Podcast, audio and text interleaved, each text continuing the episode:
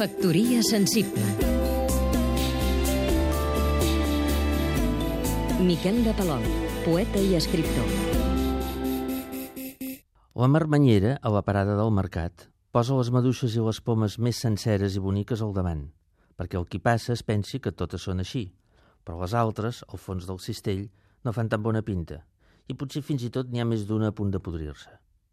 Així fan molts autors amb els textos, els periodistes amb els titulars, els polítics amb els eslògans.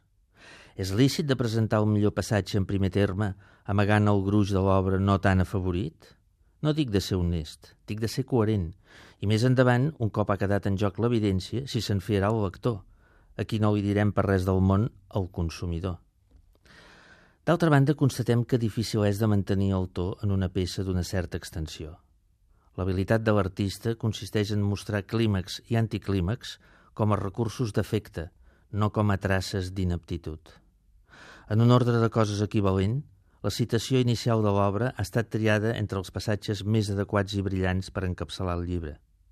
Essent-ne el millor fragment, deixarà per contrast en segon lloc l'autor del text que la segueix. Invocar grans mestres pot ser una instructiva lliçó d'humilitat, o bé un pobre exercici de masoquisme. Factoria sensible Seguim-nos també a catradio.cat